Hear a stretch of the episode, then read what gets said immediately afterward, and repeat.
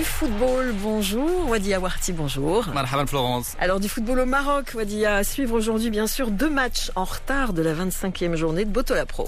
بالفعل البطولة الاحترافية المغربية لحساب مؤجل الجولة الخامسة والعشرين تتواصل أطوارها في رحاب البطولة إذا اليوم قمة أسفل الترتيب تضع اتحاد طنجة في مواجهة صعبة ضد الجريح وضيفه نهضة الزمامرة فارس البغاز يطمح لتأكيد عروضه القوية والخروج نسبيا من دائرة المناطق المؤدية للقسم الثاني والفوز سيرتقي به إلى المركز الثاني عشر أما نهضة الزمامرة من دون مدربها المقال سعيد شيبة يوم أمس.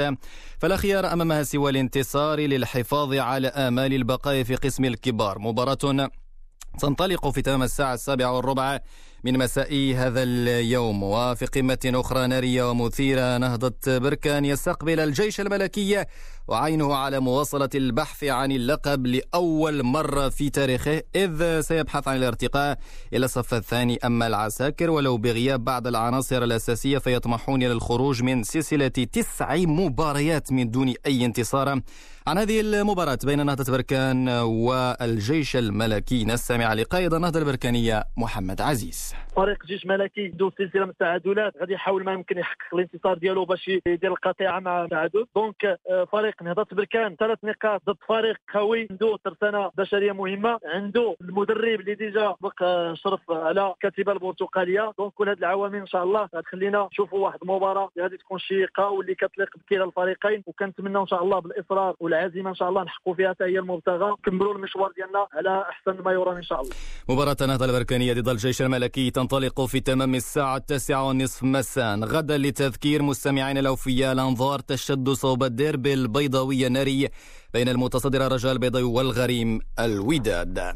كرة القدم المغربية دائما لكن هذه المرة في رحاب مسلسل إقالة المدربين. هذه المرة في بيت نهضة الزمامرة والذي أقال أمس مدربه سعيد شيبة نهضة الزمامرة سقطت في آخر اختبار ضد الوداد البيضاوي في البطولة. هزيمة حركت لسان المدرب سعيد شيبة للقول إن الهزيمة أسهمت فيها تفاصيل غير كروية.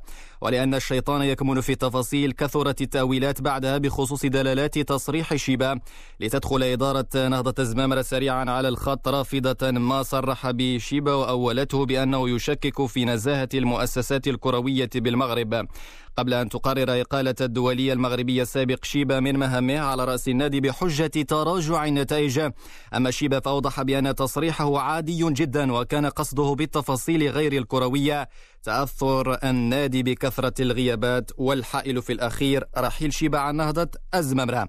ارتباطا بأخبار المدربين دائما يبدو أن ظاهرة الترحال التدريبي تتطور عاما بعد آخر في المغرب.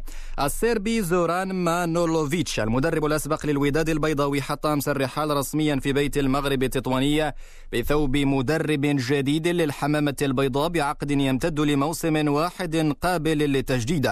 ورغم هذا التعاقد بيد أن زوران لن يكون بمقدوره الجلوس في دكة البدلاء في مباريات فريق الحمامة البيضاء لإشرافه سابقا على الوداد البيضاوي خلال الموسم الحالي نظرا لكون القوانين المنظمة لعمل المدرب بالمملكة المغربية تمنع قيادة مدرب لفريقين في موسم واحد.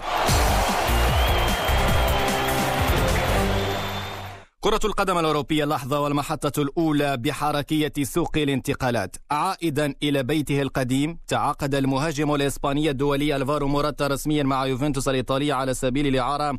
قادما من أتلتيكو مدريد الإسباني لموسم واحد مقابل عشرة ملايين يورو مع خيار تمديد الإعارة لعام آخر والتعاقد معه نهائيا.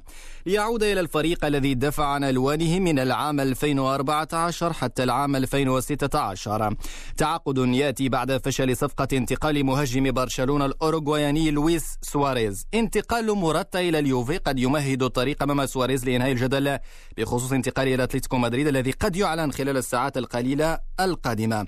في إيطاليا عقب القضاء الرياضي الإيطالي فريق روما باعتباره خاسرا بثلاثية نظيفة في مباراته ضد دايلاس فيرونا والتي أجريت الأحد الماضي في افتتاح الدوري الإيطالي. وذلك لإشراكه لاعبا غير مدرج قانونا في قائمته للموسم الجديد وهو الغيني أمادو دياوارا. ونذكر بأن روما كان قد سقط في فخ التعادل السلبي أمام فيرونا. إلى إسبانيا حيث كشفت تقارير إعلامية إصابة لاعب ريال مدريد مارتن أوديغارد بفيروس كورونا المستجد كوفيد 19 أوضحت المصادر عينها أن اللاعب النرويجي خضع لاختبار كانت نتيجته إيجابية بعد المباراة أمام ريال سوسيداد التي نذكر أنها انتهت بالتعادل السلبي. بهذا مستمعينا الكرام نكون قد بلغنا آخر محطات عدد اليوم من صباح الرياضة.